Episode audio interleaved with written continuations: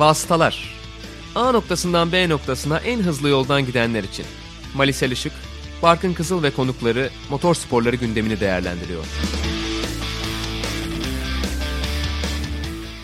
Vasıtaların 3. sezon 2. bölümüne hoş geldiniz. Bu bölümde bizimle aynı zaman çizgisini takip eden Drive to Survive'ı konuşacağız. Onlar da yine 3. sezonlarını yayınladılar. Biz de hemen sezonumuzun başında tıpkı geçtiğimiz sezonlarda da olduğu gibi bir Drive to Survive bölümü yapıyor olacağız ama belki de son defa yapıyor olacağız böyle. Yani artık Drive to Survive özel bölüm yapmanın gerekliliğini ciddi anlamda tartışıp o tartışma sonrasında da gerekli olmadığı kararına vardık gibi bu sezonla birlikte. Nereden başlasak, ne, neler söylesek bilemiyorum yani gerçekten. Evet yani gittikçe çizgisi aşağı doğru giden bir yapım gibi gözükmeye başladı sanki. İlk sezonu en iyi sezonuydu diyebiliriz. Zaten bu kadar büyük bir işte heyecan, algı yaratması anlamında ilk sezonun etkisi çok büyüktü. İkinci sezon biraz daha ilk sezona göre zayıf bulmuştuk. Bu sezonu artık yani biraz tekrara düşerken hatta işte kurgu anlamında bazı çok bariz hatalar, bilerek yapılmış hatalar yaparken de bulduk. Zaten bunları konuşacağız. İlk olarak bir genel değerlendirmeyle başlayalım diye düşünüyoruz. Şöyle hani spoilersız konuşurcasına çok kısa kısa biraz yorumlarımızı yapalım. Sonrasında da enine boyuna zaten değerlendireceğiz. İstersen sen başla Mali. Şöyle bir genel fikirlerin nelerdir? Zaten uzun uzun konuşacağız. Bütün bölüm bizim. Ya aslında ilk sezon çok iyiydi. Sonrasında bozdu kısmına bile katılmayacağım galiba. Ben ilk sezonu yanlışlıkla iyi yapmış olma ihtimallerini yüksek görüyorum. Çünkü orada yani eldeki malzeme çok kalabalık değildi bazı takımlar olmadığı için. Bazı ikilikleri birazcık abartarak fena yakalamamışlardı. Biraz işte görüntü güzeldi. Perde arkasından bir şeyleri biz yakalayabildiğimiz için güzeldi. İkinci sezondan itibaren bütün takımlar olduğu için zaten sığdıramama problemi vardı. E üzerine olmayan dramayı oluyor gibi gösterme ya da ne bileyim işte bu sezon iyice ayyuka çıkan şeylerin ufak ufak emarelerini de görmeye başlamıştık. E bu sezonda artık biz olduk biz kendimizi böyle bir sisteme oturttuk deyip yani ikinci sezonu nasıl düzeltebiliriz değil üstüne ikinci sezon bile ilk sezonun parodisi olarak değerlendirilebilecekken kendi kendinin tamamen parodisi olan bir Netflix gördük. Yani gerçekten ben çok şaşırdım çünkü ya beklentim şöyle yüksekti. Şunlar olsun bunlar olsun işte 250 maddelik checklist bunlardan bir tanesi bile düzgün olmazsa her şey süper olacak. Season review gibi sezon değerlendirmesi gibi bir şey olacak diye bir beklentim yoktu benim açıkçası. Ama yani 2020 gibi bir sezondan bu kadar vasat bir malzeme çıkabileceğini ben tahmin etmiyordum. Bu beni çok şaşırttı. Yani Game of Thrones'un son sezonu gibi olmuş. Drive to Survive'ın üzerindeki etkiyi bence böyle görüyorum. Yani hani Game of Thrones'la ilgili nasıl şimdi çeşitli haberler çıkıyor. Küçük küçük mini diziler falan yapacaklarmış. Abi artık ilgilenmiyoruz diyoruz ya. Çoğu Formula 1 fanı için de herhalde 3. sezon öyle olacaktır. Bunu bu arada Türkiye şu kadar var şu kadar yok gibi söylemiyorum. Türkiye Grand Prix'sinde olup olmamasıyla direkt olarak bağlantılı değil. Ama yani 2020 gibi kendi dramasını getiren zaten ve müthiş başlıkları olan ve yani çok kolaylıkla kurgulanabilecek. Yani bunların hepsini nasıl bir araya getirirsiniz zaman öyle bir sırada verelim ki süper olsun gibi bir şeye ihtiyaç duymadan elinize nefis bir sezon geçmişken her şey var bu sezonda. Yani 2020 sezonunu sezon boyunca zaten konuştuk o hastalarda sizler de dinlediniz. Yani bunu bu kadar ıskalamak çok ilginç geldi ki olmazsa olmaz maddeleri yaptığımızda görüyoruz. Bir tane şeyi tam böyle eline boyuna güzel şey yapmışlar. Hiçbir şeyi atlamadan hatasız yapmışlar diyebileceğimiz tek bir şey yok. Ve hiç lafı geçmeyen pek çok şey var. Ağırlık dengesi çok garip bence zaten yine. Neye ağırlık vereceklerini yine bence çok kötü muhakeme etmişler. Onları ya ağırlık verdikleri şeyi değerlendirme konusunda da eksiklikler yaşamışlar. Yani bilmiyorum içlerinde bu sporla alakalı kimse yok mu? Ama değil Formula 1 o kadar yakından çalışıyorlar. Mutlaka onu bilen birinin yönlendireceği bir şey olması gerekiyor. Yani bu Formula 1'in işte çok uzun zamandır hayranlarına, her şeyi çok iyi bilen, sürekli takip edenlerine hitap etsin gibi bir beklentimiz de yok sonuçta. Bu Formula 1'i aşağı yukarı bilen veya hiç bilmeyen insanları spora getirebilmek ve bunu işte sporun içerisindeki heyecanı, farklılıkları, işte perde arkasındaki görüntüleri veya benzeri şeyleri anlatarak getirme amacı taşıyan bir belgesel olması gerekiyor. Bunun yanında Yani asıl hedef kitlenin ne olduğunu düşünerek değerlendiriyorum. E bizler de ekstra bir şey daha görürsek izlediğimiz sezonu arttırabilecek heyecan daha doğrusu heyecan değil de tecrübe anlamında izlediğimiz sezonun üstüne bir şeyler katabilecek bir şeyler görürsek keyifleniyoruz. Ama yani sezonda izlemediğimiz ve hatta olmayan şeyleri olmuş gibi anlatılması, abartısız hiçbir şeyin olmaması. Dolayısıyla yani önemli şeyleri abartılı verebilirsiniz. Bu çok doğal bir şey ama her şeye çok önem atfederseniz o zaman hiçbir şey önemli olmuyor. Bu zaten bence spor belgesellerinde ve hatta çoğu belgeselde düşülebilen hatalardan bir tanesi. Belgeselcilerin dikkatli olması gereken şeylerden biri. Yani nasıl bir liste yaparsak yapalım, nasıl bir checklist yaparsak yapalım sınıfta kalıyor. Çok acayip yani neredeyse takdir edilisi bir başarısızlık. Yani sen hani her şeye yer verememiş olmayı anlıyorum gibi bir şey söyledin az önce ama problem öyle olsa aslında bu kadar fazla görmememiz gereken ya da bu işte Drive to Survive'de yer almaması gereken şeylerle dolu bir 10 bölüm izlemek yerine gerçekten bir şeylerin sığmadığını bize hissettiren bir 3. sezon görebilirdik diye düşünüyorum. Yani birazdan konuşacağız zaten. Gerçekten olmasa olurdan da öte yani olması gerekmeyen çok fazla bölümü vardı, kısmı vardı diyeyim. Çok fazla ona ayrılan dakikalar vardı. Ve yani biz hep sezonu takip ederken işte canlı canlı yaşarken diyeyim. O işte burasını Drive to Survive'da bakalım nasıl anlatacaklar. Drive to Survive bu sezon çok iyi olacak. İşte burayı nasıl göstereceklerini çok merak ediyoruz diye kendi aramızda da konuşuyorduk. Hatta bazı vasıtalar bölümlerinde de mutlaka dile getirmişizdir. İşte bu yarışın Drive to Survive bölümünü çok meraklı bekliyor olacağız diye söylemişizdir muhtemelen. Bu Özür sezonla dileriz. beraber evet o bitti bizim için. Yani artık hiç öyle bir cümle kuracağımı düşünmüyorum açıkçası. Senin de pek kuracağını sanmıyorum. Yani bakarız tabii ki gelince nedir ne değildir diye şey gibi söylemiyoruz bunu. Drive to Survive bizim için bitmiştir dramatikliğiyle söylemiyoruz ama artık sezon başlangıcı içerisindeki işte testler Drive to Survive ve ilk yarış ritüelinden birazcık uzaklaştık gibi. Çünkü artık heyecan verici veya ciddiye alınacak bir materyal olmaktan çıktı gibi duruyor. Evet yani beklentimiz bu orana yansıyarak düştü gibi söyleyebiliriz. E, aşağı yukarı ne göreceğimizi çünkü artık 3. sezonla beraber de anlamış olduk. Genelde önceki sezonlara kıyasla tekrar eden yerleri de oldukça fazlaydı bana sorarsan. Ve hani daha aslında anlatılması gerekenden ziyade arka plana daha çok yoğunlaşılmış. Belki kimsenin sezonu takip ederken çok merak etmediği şeylerle ilgili de geniş geniş ayrılan yerler vardı. Diyeyim artık yavaş yavaş da şöyle bir bölümleri sizlere hatırlatalım. Bölümlerde neler oldu? Kısa kısa özetleyeyim. Sonrasında da daha detaylı bir şekilde tırnak içinde spoilerlı konuşmaya başlayalım. İlk bölüm aslında testlerle başlıyor. Yani sanki bir zaman çizelgesini takip ediyormuşuz gibi gidiyor. Avustralya Grand Prix'sinin iptal edilmesiyle beraber işte Racing Point'in görücüye çıkması, yaratılan şaşkınlık üzerinden giden bir ilk bölümümüz vardı. Sonrasında hemen Mercedes ve Red Bull'a odaklanılmış Avusturya'da. Bu da anlaşılabilir diye düşünüyorum. Üçüncü bölümde Valtteri Bottas'ın kısa bir hikayesi var aslında. İşte Rusya Grand Prix'si ağırlıklı olmak üzere Bottas'ın Mercedes'teki ikinci pilotluk tartışması üzerinden kurgulanmış bir bölüm ki bu bölümü fena bulmadık. Birazdan zaten konuşacağız.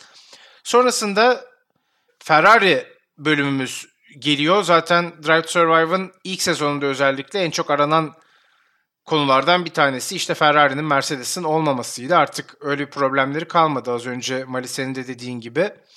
Ve işte hem Vettel üzerinden giden hem Ferrari'nin genel durumu üzerinden giden Monza'yı Mugello'yu anlatan bir bölümle devam etti belgesel. Tam orta noktaya geliyoruz 5. bölümle beraber. Ricardo'nun Renault'dan ayrılma haberi ve sonrasında Renault Racing Point ve McLaren'ın kendi aralarındaki çekişmeleri ve sonrasında da zaten patlak veren Racing Point'i şikayet olayı işte diğer takımların da desteklediği Mercedes dışında bu konu üzerinden bir bölüm ele almışlar ki burada da yine eksikler var. Buraya da geleceğiz. Ve geçtiğimiz sezonda izlediğimiz bir hikaye bölümü Alex Albon ve Pierre Gasly arasındaki mücadele hem Spa hem de Monza'da geçiyor bu bölümler. Zaten Gazi ile ilgili bir Monza bölümü olmazsa olmazdı bu sezon. 7. bölümde yine Drive to Survive'ın başrol oyuncularından diyeyim Günther Steiner'e gidiyoruz. Bu bölümde de hem Alfa Romeo'ya hem de Haas'a odaklanılıyor. Bu iki takım arasındaki mücadeleye odaklanılıyor mesela. Enteresan konulardan bir tanesi bence. 8. bölümde ise Carlos Sainz'e Ferrari'ye gitme haberi ortaya çıkıyor ve çok yani bizim sezonda görmediğimiz hatta örneğin McLaren YouTube kanalını takip ediyorsanız işte orada dostluklarını gördüğümüz Carlos Sainz ile Lando Norris'in arasındaki rekabet ve iplerin gerilmesini anlatan enteresan bir bölüm. 9. bölümde Çeko Fethel'in koltuğunu alacağını öğreniyor. Sonrasında yine Çeko'nun kazandığı tabii ki yarışı izliyoruz. Burada da George Russell ve Mercedes hikayesine hiç değinilmediği için ilginç bulduk burayı da. Son bölümde ise sezonun son yarışı üçüncülük ve son olarak da Lewis Hamilton ve Black Lives Matter üzerine bir kısım ayrılmış durumda. Bölümlerde bu şekildeydi. Artık yavaş yavaş istersen detayına da inelim Mali. Yani ben zaten şöyle bir liste yaptım. Şunlar kesin olur herhalde diye başlamadan önce. Sonra onlara çek attım telefonumda. Williams ailesinden bir cümleyle bahsetmişler ki bence korkunç. Çünkü yani 4-5 dakika ayırarak çok ya bir bölüm ayrılsın gibi istekler diye çok makul bir şekilde söylemeye çalışıyorum ama yani 4-5 dakika Williams'ın artık aile olarak Formula 1'de olmamasının ne anlama geldiğine dair bir şeyler yapılabilirdi. O kadar Monza çeviriyorsunuz sonuçta. Yani hani Monza üzerine bu kadar kurgulanmış bir sezonda. Evet, iki bölüm Monza'da var. son kez vardık. Evet ya yani Monza'da son kez Claire Williams takımla birlikteydi.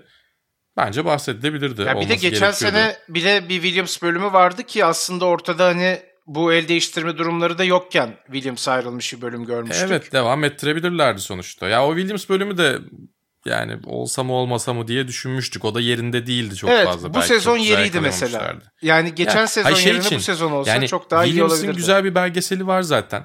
Çok güzel bir Williams belgeseli var. O yüzden ekstra böyle bir şeye bu Williams hikayesi anlatılsın diye değil ama Williams'ın gidiyor olmasının Formula 1'deki etkileri ya da ne bileyim benzer bir şekilde bahsedilebilirdi. Bunlar bu arada olmazsa olmazların yine içlerinden elenebilirleri. Yani Sakir ve Perez vardı ama Perez'i anlatırken bu sene Covid'den iki yarış kaçırdığını söylemiyorlar ki bence yani sezon olarak bir pilotun en çok etkilendiği yani bir pilot en fazla Perez kadar etkilenebilirdi. E, Dolayısıyla bence ya bir de takımın hani evindeki yarış Silverstone karşıda oturuyorlar bayağı karşı komşusu yani şeyin Racing Point'in Silverstone pisti. Ben Perez'in o Covid muhabbetinden hiç bahsetmemelerine çok şaşırdım açıkçası. Ki Hamilton'ın Covid geçirdiğinden de bahsetmediler. O da bence garipti. George Russell Mercedes hiç yok. Yani diyorum ya bak 1,5-2 dakikalık çok güzel bir şey yaparsın. Klip yaparsın. Üzerine birazcık seslendirmeli bir şeyle. Ya işte konuşan kafalarla ki bence olmasa daha iyi olur ama ya anlatırsın bunu yani. Bunun için 15-20 dakikaya ihtiyacın yok. George Russell'dan bahsetmemeleri de çok korkunç ki Williams ve Russell'ın iki tane malzemesi varken bunları birleştirip bile yapabilirsin. Yani yapılabilecek çok şey var. Hiç yer verilmemesi çok korkunçtu. Sadece George Russell var. Niye var orada? Hamilton niye yok? George Russell niye orada yarışıyor? Onun için ne anlam ifade ediyor? Çocuk senelerdir sürünüyor. Sonunda eline bir fırsat geçmiş falan. Hiç bahsedilmiyor yani mümkün değil. Türkiye Grand Prix'si bir dakika falan var çeşitli kliplerle birlikte. Yani en çok tepki çekenlerden bir tanesi tabii ki o. Macaristan Grand Prix'si kadar falan görülüyor ki Macaristan Grand Prix'sini göstermeseler benim aklıma gelmezdi böyle bir yarış vardı diye. Hatta şöyle söyleyeyim. Bu örneği verebilecek kadar sıkıcı bir yarış olduğu için aklımda kaldı Macaristan Grand Prix'si sezon boyunca. Evet ben de öyle o, ka- o kadar ya. yarışı. Sıkıcı olduğu için ak- akılda kalmaz diye net bir örnek verebildiğimiz için akılda kaldı garip bir şekilde. Lance Stroll'un pole pozisyonu ve Vettel'in podyum üzerinden Türkiye Grand Prix'sini verdiler. Lewis Hamilton'ın Türkiye Grand Prix'sinde ne yaptığına dair herhangi bir görüntü veya benzeri bir şey yok. Ki buradalardı benim bildiğim kadarıyla. Yani eğer yanlış görmediysek. Zaten onların konteyneri vardı. Ayrıca TV Compound ayırmışlardı. Bir de özellikle tabii televizyon ekiplerine şöyle bir bakıyorsunuz. Hepsinin genellikle logosu bir şeysi var. Bir tek logosuz gezen vardı. Sivil gibi. E, onlar da Netflix'i diye tahmin ediyoruz. Daha önce konuştuk da yani aramızda. Evet hadi bunu detaylı konuşalım bu arada. Türkiye Grand Prix'siyle başlamış olalım. Çünkü yani Drive to Survive bekleyen en çok tepkiyi o çekiyor. Formula 1 Doğru. severlerin, Türkiye'deki Formula 1 severlerin aslında en çok beklediği şey Türkiye Grand Prix'sini görmekti. Madem hani buradan böyle bir giriş yapmış olduk. Bence direkt Türkiye Grand Prix'sini konuşarak da başlayabiliriz. Yani o konuyu şöyle bir ele alıp bitirelim. Sonra geri kalan kısımlarına girelim istersen. Ya bu sezon biz hani gönül bağımız bir yana Türkiye Grand Prix'si Formula 1 taraftarları tarafından %33 oy olarak sezonun en iyi yarışı seçildi. Yani zaten sadece yarış değil hafta sonunun başından beri ki sen zaten oradaydın.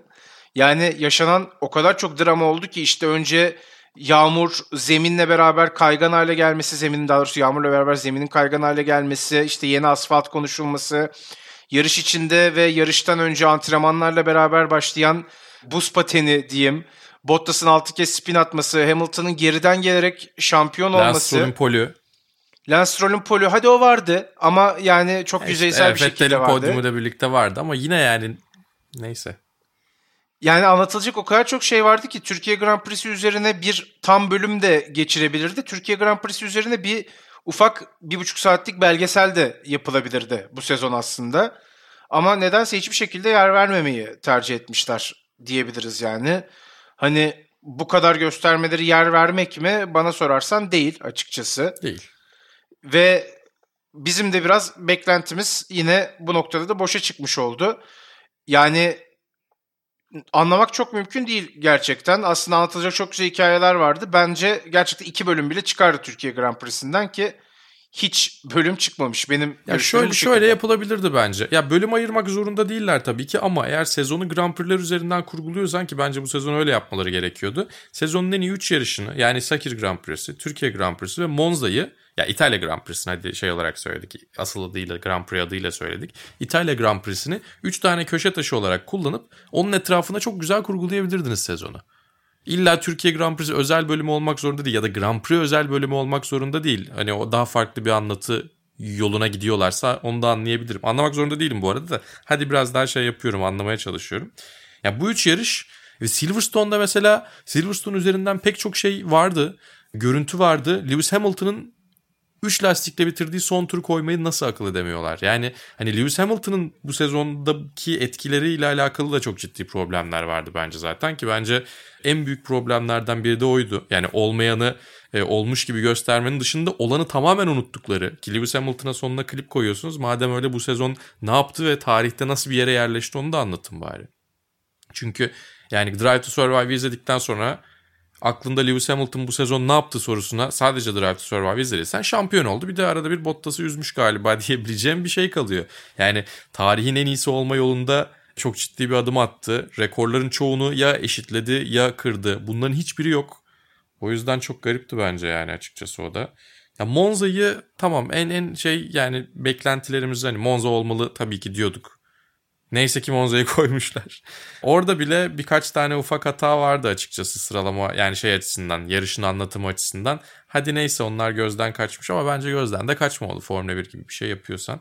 Yani bir tek Monza belki içlerinde süre açısından doğru ağırlık verilmiş. Belki ona da fazla yer ayrılmış diye de eleştirebiliriz yani.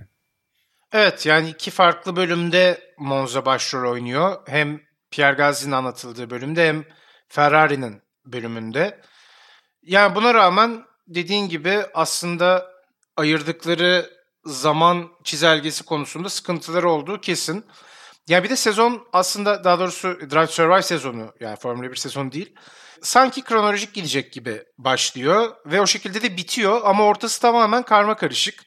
İşte bu sezonki aldıkları görüntü mü az acaba diye düşündük seninle beraber. İşte Covid sebebiyle çok fazla belki ulaşım mı, erişim mi sağlayamadılar Ama diye ikişer düşündük. saatlik bölümler değil ki bunlar da. 40 dakikalık bölüme bilmiyorum ya bence çıkar. Yani o kadar o kadar da eksik olmasa gerek diye düşünüyorum. Ya Mesela çok eskiden görüntüler vardı. Herhalde %5'i falan bu sezon olmayan şeylerle geçti diyebiliriz. Ya bu kadar dop dolu bir sezondan bunu başarmak gerçekten takdir edilesi bir konu diye düşünüyorum. Sen az önce Perez'in Covid durumunu söyledin. İşte mesela Hülkenberg'de yok. Oradan Hiç istersen devam edelim. Esamesi okunmuyor. Ki yani inanılmaz bir hikaye bence. Ve yani ön plana koyduğunuz takımlarla da alakalı. Yani Racing Point'e bir sürü vakit ayırıp Hülkenberg'den bahsetmemek de o anlamda saçma. Hani öncelik sırası içerisinde bir takımı koyuyorsunuz mesela.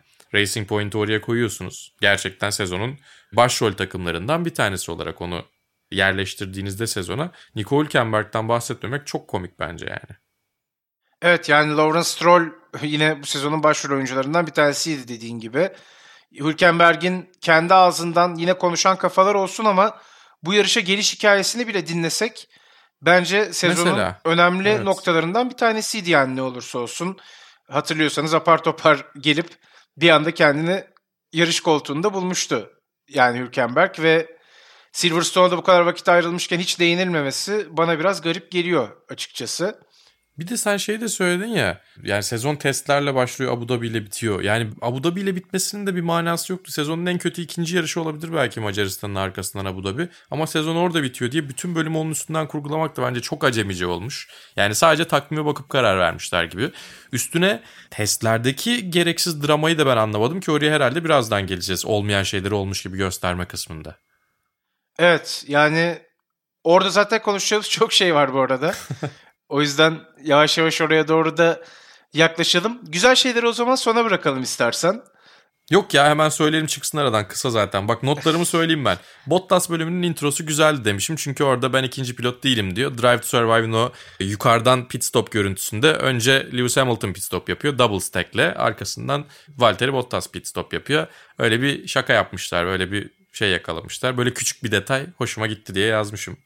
Onun dışında Nico Rosberg'in e, Lewis Hamilton'ı nasıl yendiğine ve bu işin psikolojisine dair güzel bir yorumu var. Bunların hepsini toplasam bu arada 3 dakika falan edecek herhalde bu görüntüler. Ferrari bölümünde Sherlock'lerin daha doğrusu Sherlock'lere takım PR'cısının toplantılarda, basın toplantılarında telefonla oynamayalım dedikten sonra Drive to Survive röportajında telefonla oynarkenki görüntüsüne kesmeleri falan. Çok ufak ufak akıllılıklar vardı. Mick Schumacher bence sürprizdi. Yani Mick Schumacher'in olması güzeldi açıkçası ona yer vermeleri. Ama yani bekler miydik ya da olmasa niye yok bu çocuk demezdik de ya ekstra diye yazdım onu da. Christian Horner ve Sergio Perez'in bölüm sonundaki telefon görüşmesi demişim bir de. Bu kadar. Başka olumlu hiçbir şey yok. Şey de fena değildi. Şimdi aklıma geldi. Lawrence Stroll'ün Aston Martin renklerini ilk kez gördüğü kısım fena değildi. Eh, evet ama 2021 işte o ya. Bilmiyorum yani bunu bir sonraki senenin Drive to Survive'ında verseler abi bu ne bir senelik şey demezdik yani. Hani onu oradan uzatabiliyorlarsa yani çok ya da çok biz şey yapıyoruz ya da hafife alıyoruz görüntü eksikliğini bu adamların. Ya ben bu sezona yani önümüzdeki sezona dair olan kısımları aslında beğendim. Yani hem az önce bahsettiğim konuyu beğendim hem de Günter Steiner'ın işte ilgi Mick Schumacher'ın Alfa Romeo ile bu hafta sonu geçirmesine odaklanmışken biz bizim için belki daha da kritik olacak Mazepin anlaşmasını yaptık dediği kısım da bence fena değildi. Yani böyle şeyleri ben görmek istiyorum çünkü ama işte Lewis Hamilton'ın sezon sonundaki sezon sonundaki işte klibini o kadar üstün körü yaptıktan sonra buna bu kadar yer ayırmaları çok tutarsız geliyor. O yüzden diyorum ben de yani. Ama zaten hani atılması gereken kısımları buralar değil. Atılması gereken kısımlarını daha farklı evet. yerler olduğunu herhalde İkimiz de aynı şekilde düşünüyoruz. Sezonun yüzde sekseni atılması gereken kısım. Söyleyeyim ben sana.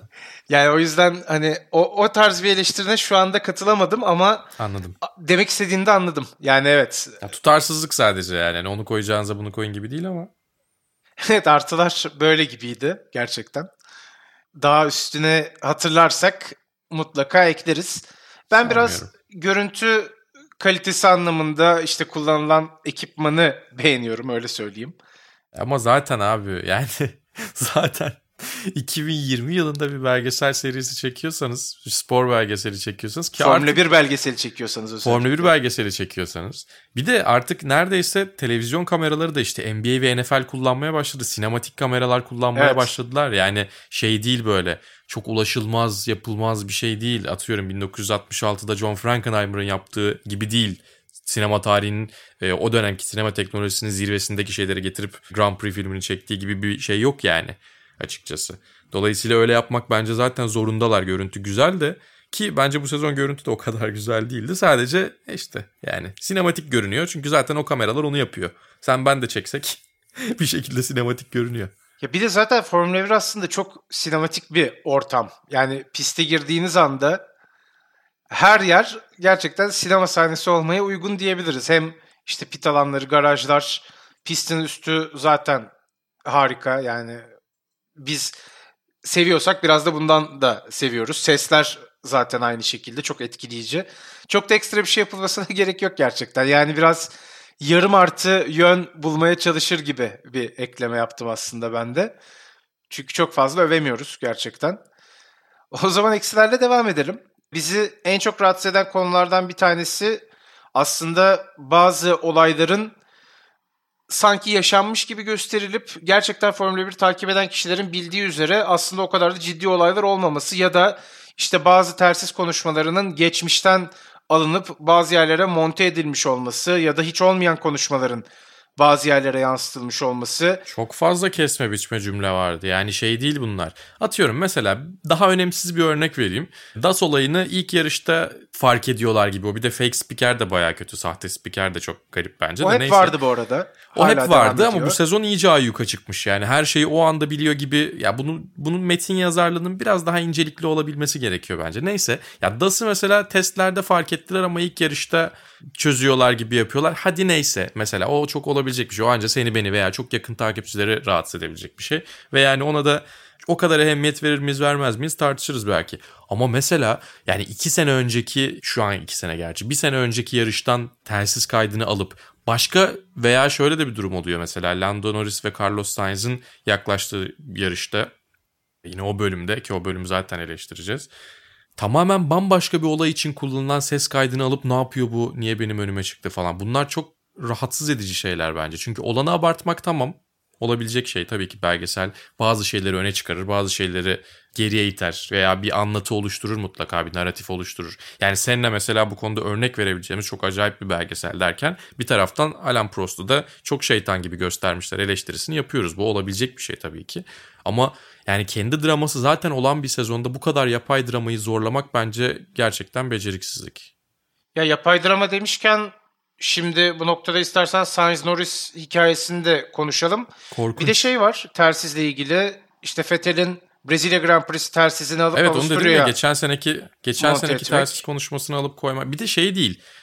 Alelade bir telsiz konuşması değil yani. ünlü o tersiz cümle. konuşması. Yani Evet. kendi çok meşhur. dilinde olması çok meşhur gerçekten. Formula 1'in resmi kanalının defalarca üstünde paylaşım yaptığı bir tersiz konuşması bu. Yani Formula 1 takip eden, yakından takip eden izleyicilerin hepsi o konuşmanın orada geçmediğini biliyor.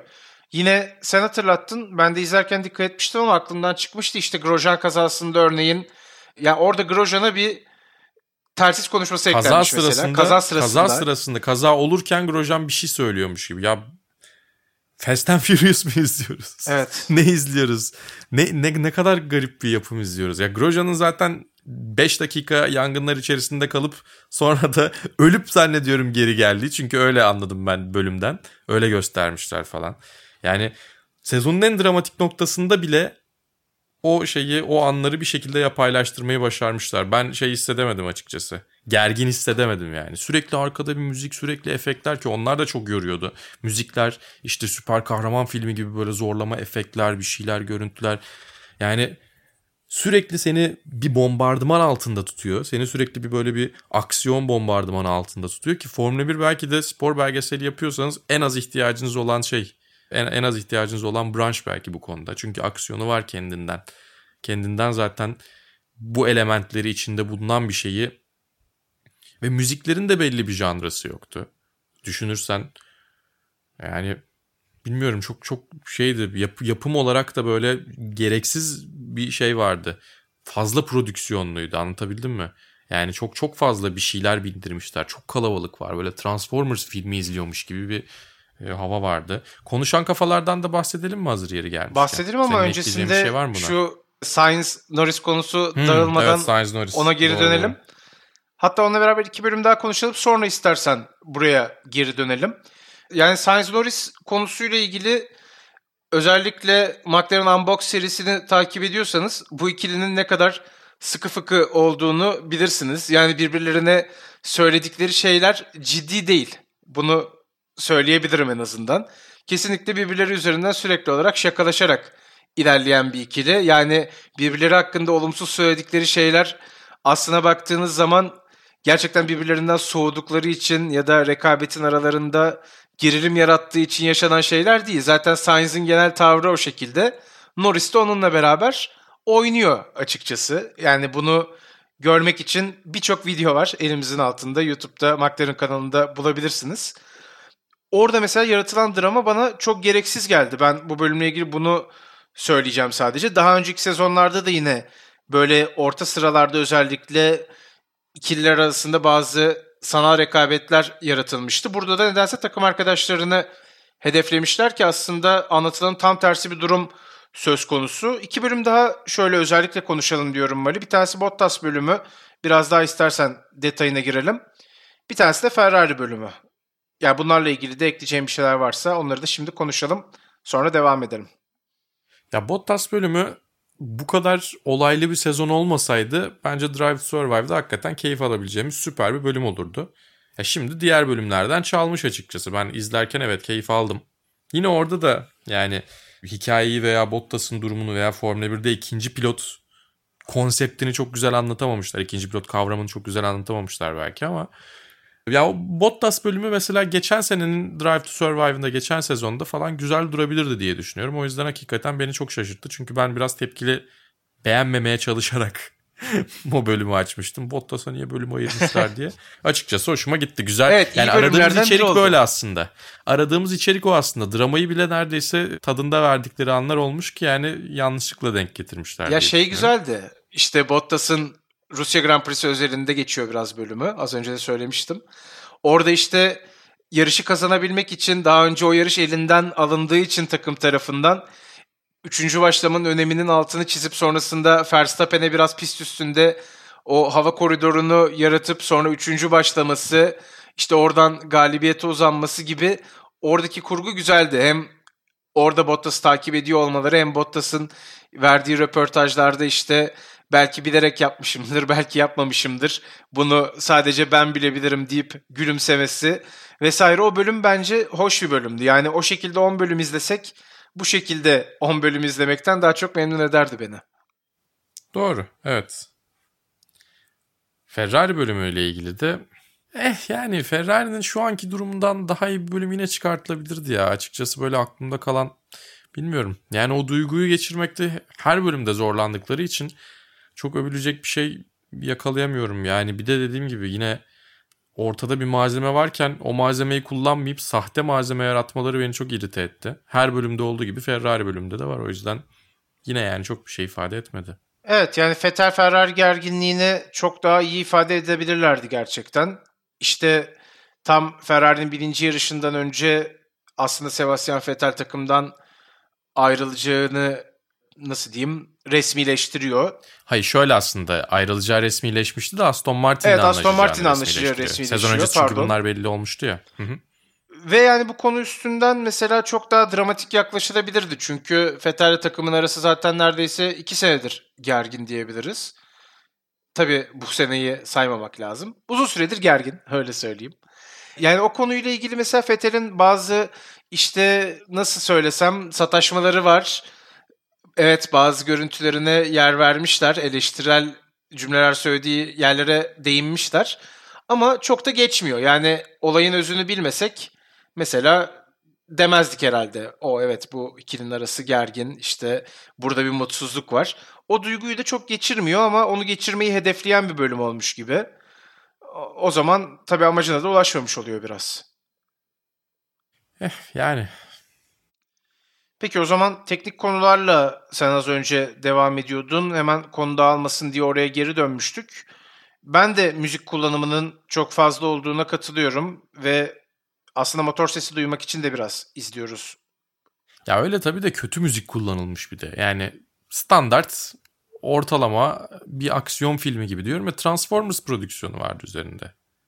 Yakışıyor mu yani şu Formula 1'e? yani gerçekten yakışmıyor. Ve yani Lewis Hamilton'la ilgili de biraz daha konuşalım istersen. Bu kadar tarihi bir sezonda işte yarış rekorunu, en çok yarış galibiyeti rekorunu, en çok şampiyonluk rekorunu kırdığı ya da birine ortak olduğu, diğerini kırdığı sezonda Hamilton'la ilgili de pek bir şey yok. Verstappen'le ilgili zaten hiçbir şey yok. Hadi onu biraz sen de bana bu yapımı çok sevmediği üzerinden açıkladın ama yani bu da sonuçta bir iş aslına bakarsan. Verstappen'i de bir şekilde ikna edip buraya davet etmeleri, burada ağırlamaları gerektiğini düşünüyorum. Verstappen bizi ikna etti artık. Biz Verstappen'in safına geçtik. evet, o bizi ikna etti gerçekten. O daha önce bu yapımda nasıl yansıtıldığından da çok memnun değildi zaten. Herhalde bununla ilgili de bir antipatisi var. Öyle sanıyorum ki. Dolayısıyla Verstappen'i de görmedik ama şu anda grid'in en iyi iki pilotu diye baktığımız zaman bölümden önce de konuşuyorduk seninle. Hamilton ve Verstappen'i söyleriz gibi. ikisiyle de ilgili çok fazla bir şey yok.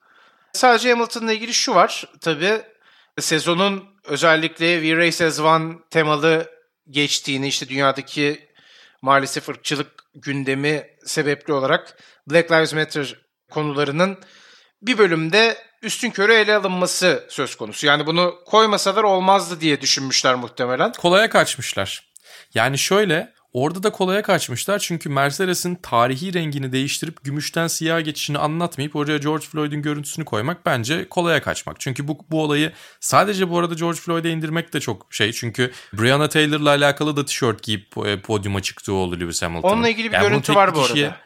Ama vurgu ya yok. Çok ufak ufak ara ara var yani hani şey açıkçası yani şeyi beğenmedim. Bunu da yapmış olmamız gerekiyor diye yapmışlar ki bence çok ayıp bir şey bu. Lewis Hamilton yarattığı etkiyi de çok basite indirgemek o yüzden. Ya böyle bir şey görmüş hislenmiş o yüzden işte falan gibi böyle. Yani arşiv görüntülerini şunu bunu kullanarak Lewis Hamilton'ın gördüğü şeyleri de işte tepkileri falan da bir klip haline getirip öyle anlatmaya çalışmışlar ama Lewis Hamilton'ın şu anda Formula 1'deki yerini ve geldiği yeri ve bu yani Formula 1 tarihine geç, geçtiği sezonun aynı zamanda dünyada böyle bir hareketin başladığı sezonla örtüşmesinin önemini bir türlü anlatamamışlar. Çok komik bence bunu becerememeleri. Çünkü yani 7. şampiyonluk, işte galibiyet rekoru, pol pozisyonları 98 98 oldu değil mi en son? Evet. 95 yarış galibiyeti, 98 pol pozisyonu, 7 şampiyonluk. Yani neredeyse istatistiksel olarak zaten e, tarihin en başarılısı haline geldi. Artık %50 %50 olacak herhalde. Michael Schumacher mi Lewis Hamilton mı diyeceğimiz bir yerde bunu belki ucundan Mick Schumacher'e bağlayıp belki ucundan Sebastian Vettel aslında Michael Schumacher'in işte mirasını devam ettirmek için Ferrari'ye gelmiş. Bunların hepsini bağlayıp bir tanesi bölüm yapabilirlerdi gibi geliyor bana ne bileyim yani hani sığdıramadık zaten bir bahane değil. Zannetmiyorum çoğu şeyi sakız gibi uzattıklarına göre ama Lewis Hamilton'a baştan sona ayrı bir bölüm ayırmamak Bak 10 bölümse bile her şey dolu dolu bile olsa bir tane 11. bölüm yaparsın o kadar söyleyeyim. 2020 öyle bir sezonda açıkçası. Evet ya bir de Lewis bunun tekrarı yok aslında. Sonuçta rekorlar Tabii. bir kere kırılıyor. Ondan sonra üstüne Hı-hı. koyarak gidiyor. Yani o üstüne koyarak gitme hikayesini bir şekilde anlatamazsınız. Ama rekorların kırıldığı noktaları, dönüm noktalarını bana sorarsanız yansıtmaları gerekiyordu. Yani gerçekten görmedik. Ki aslında bir sürü olaylı yarışı da hiç görmedik daha olaysız yarışları gördük garip bir şekilde. yani Silverstone'da dediğin gibi o üç tekerlik yani üç lastikle finish'e gelen Hamilton yok ama Carlos Sainz'in lastik patlatıp yani podyum bile görmeyen pozisyondan yarış dışında kalması dramatik şekilde var. Çünkü bölümün hikayesi öyle gerektirmiş. Ya reality show yapmışlar söyleyeyim. Belgesel serisi falan değil artık bu bir reality show olmuş. Bir de şey yani konuşan kafa demiştik biraz ondan bahsedelim. Çok fazla konuşan kafa var. Bana ne düşünmem gerektiğini bu kadar anlatılması beni rahatsız ediyor açıkçası. Yani Will Buxton ve Jenny Gow bu arada çeşitlilik yapmışlar. Bir erkek bir kadın motorsporları Formula 1 muhabiri koymaları o anlamda olumlu olmuş ama o konuşan kafaların öyle olmaması gerekiyor. Bence yani bu konuda çok iyi bir örnek var bu arada. Fake Speaker de çok kötü yine aynı şekilde. Diyorum ya yani o anda her şeyin ne olduğunu anlayan ve anlatan spiker sahte duruyor. Seyircinin daha iyi anlayabilmesi için daha güzel çözümler var.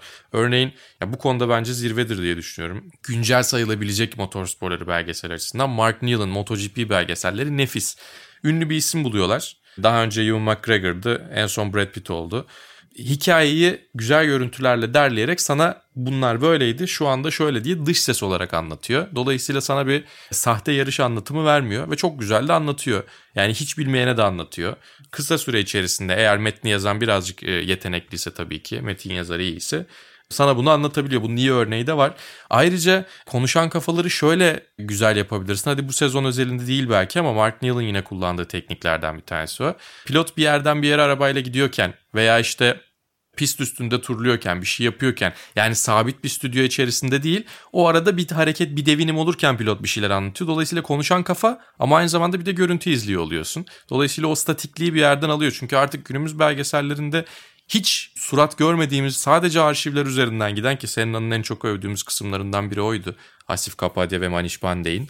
Yani böyle teknikler deneniyorken, farklı şeyler yapılıyorken sen böyle en klasik, en işte klişeleşmiş diyeceğim neredeyse e, belgesel tekniğinin dışına çıkamayıp hatta bunu arttırıp dediğim gibi elinde bir sürü şey var yani Formula 1 sana arşivini mutlaka açıyor. bu kadar konuşan kafa bence pek gerekli değil açıkçası. Ve yani sürekli kesmeler, biçmeler, bu görüntüler. Yapımın yönetmeni onu seviyor bu arada. İşte, yani onu maalesef. söyleyeyim. Mesela cümleler bittikten sonra işte yüzünde kalıp konuşan kişinin sonrasındaki bir 5 saniyelik tepkisini de mutlaka koyuyor. Onu dikkatli izlerseniz. Ve aslında şey karşı taraftan büyük ihtimalle birisi bir şey söylüyor onu dinliyor. O kadar dramatize bir şey orada da yok mesela. Yani olmayan şeyi verme konusu çok çok sahte geldi bana bu sezon. Düşün ya Grosjean kazası. Roman Grosjean kazasını ya Formula 1 tarihinin e, son yakın dönemdeki en trajik birkaç olayından biri olabilirdi. Yani ucuz atlatıldı tabii ki. O yüzden biraz Robert Kubica'nın bir tık yukarısına koyuyorum. Jules Bianchi'nin falan aşağısına koyuyoruz tabii ki Antoine Hubert'in. Antoine Hubert dramasını bu kadar güzel vermişlerdi bak hatırla. Evet şimdi ben de onu düşünüyordum. O çiçek bırakma sahnesi Gelsin'in mesela güzeldi bu Heh, sezonda da onu mesela, da söyleyeyim. Daha önceki sezonda zaten Antoine Hubert'in ölümünü ağırlığını bence hissettirebilmişlerdi evet, bence ki o yüzden belki sezonun en iyi bölümüydü. Ya bu sefer gerçekten şey yani Roman Grosjean'ın kazasını yani hiçbir şey eklemeden dramatik olan bir şeyi mutlaka bir şey eklemeliyiz diye düşünerek yapay hale getirmişler. Çok garip geldi bana açıkçası ve onu bile batırmışlar yani. Sahtelik gerçekten diz boyu. Bu arada Grosjean'ın kaza anını ve yaşadıklarını, hissettiklerini anlattığı kısım güzeldi. Ama zaten biz onu Herkes daha önce anlattı. dinlemiştik. Yani evet onu evet. her yerde bu şekilde anlattı. anlattı. Başka yerlere de anlattı özel bir şey söylememiş. Bu senenin en büyük eksiklerinden biri de çok güzel bir noktaya temas ettim bu arada. Ya ben bu sezonu izledim ama arka planında şunun olduğunu bilmiyordum dediğim bir şey göstermedi bana galiba. Belki bir iki tane ufak tefek yerlerde vardır. Bana bir perde arkası tecrübesi de sunmadı. Sezonu izleyen insana bir şey de katmıyor gibi görünüyor. Sezonu iz- izlemeyen insana da sezonun tam olarak nasıl gittiğini de çok anlatmıyor öte yandan. E, evet, evet. Yani hangi kitleyi hedefliyorsa iki konuda da çok başarılı iş çıkartmıyor diyebiliriz aslında. Böylelikle de yavaş yavaş bölümün sonuna geleceğiz. Eklemek istediğim bir şey var mı Mali? Yok daha ne diyelim. Peki o zaman Vasıtaların 3. sezonunun 2. bölümü de böylece sona eriyor. 45. bölümümüzü Drive to Survive'ın 3. sezonuna ayırmış olduk. Bir sonraki bölümde artık yarışlar geliyor tabii ki. Yarış konuşacağız. O bölümde tekrar görüşünceye dek hoşçakalın. Hoşçakalın.